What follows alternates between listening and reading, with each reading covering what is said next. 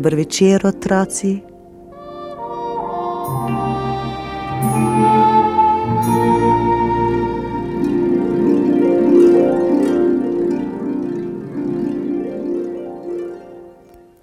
Zgodilo se je še v tistih davnih časih, ko so živali znale govoriti, drevje pa je hodilo po svetu.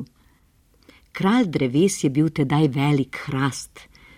Nekega dne so vsa drevesa sveta obiskala gospodarja in ga zaprosila: Veliki hrast, dovoli nam, da se razidemo po svetu. Vsako drevo bi si rado izbralo kraj, kjer mu bo najbolj všeč in se tam naselilo. Dobro, je odločil hrast. Pojdite, čez leto in dan vas bom obiskal, vsako posebej. Gorje tistemu drevesu, ki bo zlorabilo moje zaupanje.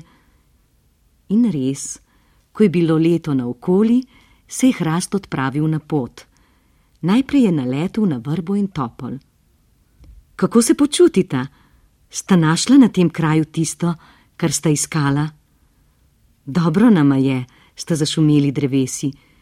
Tu je vedno živahno in veselo. Kmetje hodijo mimo na semen, midva jim ponujava senco, ko se utrujeni vračajo, tako takim, ki so zadovoljni s kupčijo, kakor drugim, ki se vračajo razočarani. Lepo nama je.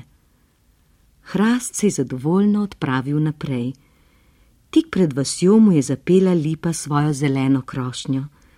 Vsak list je imel po enega obiskovalca, s katerim je veselo klepetal. To so bile čebele, ki so med čebljanjem pridno srkale med. V bližini je bil sadovnjak, kjer so jablane in hruške ljubosumno opazovale lipo in njene živahne obiskovalke. Hrast jim je zadovoljno pokimal in šel dalje. Na hribih je naletel na debele bukve, ki so vabile k sebi smrekov gost. Tudi smreke so bile predaleč, prav pod vrhom gore. Hrast si odpočil na planjavi, kjer so se mu klanjale vitke breze. Njegovi podložniki so se pametno razporedili po svetu. Vsak je zaprosil naravo samo za toliko sonca in vode, kolikor jo je za življenje nujno potreboval. In prav ta skromnost jih je osrečila. Pred hrastom je bila samo še pot proti morju. Lahko bi se kar vrnil, si je rekel, lepo kaj naj bi šel naprej. Tam je samo še pesek in kak neobdelan košček zemlje, ker nimam koga srečati. Motiš se, veliki hrast, je tedaj zaslišal neznan glas. Samo še nekaj korakov se potrudi, pa bo srečal enega izmed svojih najbolj zvestih podložnikov in mojega dobrega prijatelja. Hrast se je napotil za glasom.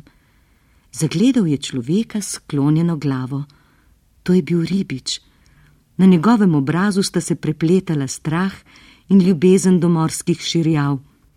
Na mesto kamnite pokrajine pa je hrast ugledal zelen gozdiček. Le kdo je mogel ozeleniti to nepregledno puščavo? se je začudil. Bor je to storil, je povedal ribič. Njemu se moramo zahvaliti, da je na mesto golega peska, po katerem so nekoč divjali morski viharji, zdaj tukaj doma zelenje. V njegovem zavetju sem si zgradil hišico, zasadil krompir in vinsko trto. Nič več nismo odvisni samo od morja. Tudi če ne ujamem ribe, ne bomo lačni nahranila nas bo zemlja. Zato sem se svojo družino zarekel, da boru in travi, ki je prišla za njim, nikoli ne storimo ničesar žalega. Bor je tudi mene naučil živeti. Hrast se je zagledal v bor pred seboj. Bil je še mlad, zelen, tudi že izmučen in upognjen zaradi vetra, s katerim se je bojeval dan in noč. Korenine so mu segle globoko in iskale hrano v nerodovitnih tleh. Izbral si si najsiromašnejšo zemljo, mu je rekel hrast, in najtrše življenje, zeleni bor. Zato te imenujem za kralja vsega obmorskega področja. Tako je prav, je prikimal ribič. Tako je bilo in ostalo. In mislim, da je tako prav. Prav pa je tudi, če zdaj le zaželimo mirno in lahko noč vsem drevesom jutri pa jih pojdemo obiskat v gost, če ste za to. Torej, lahko noč še vsem prijateljem gozdov.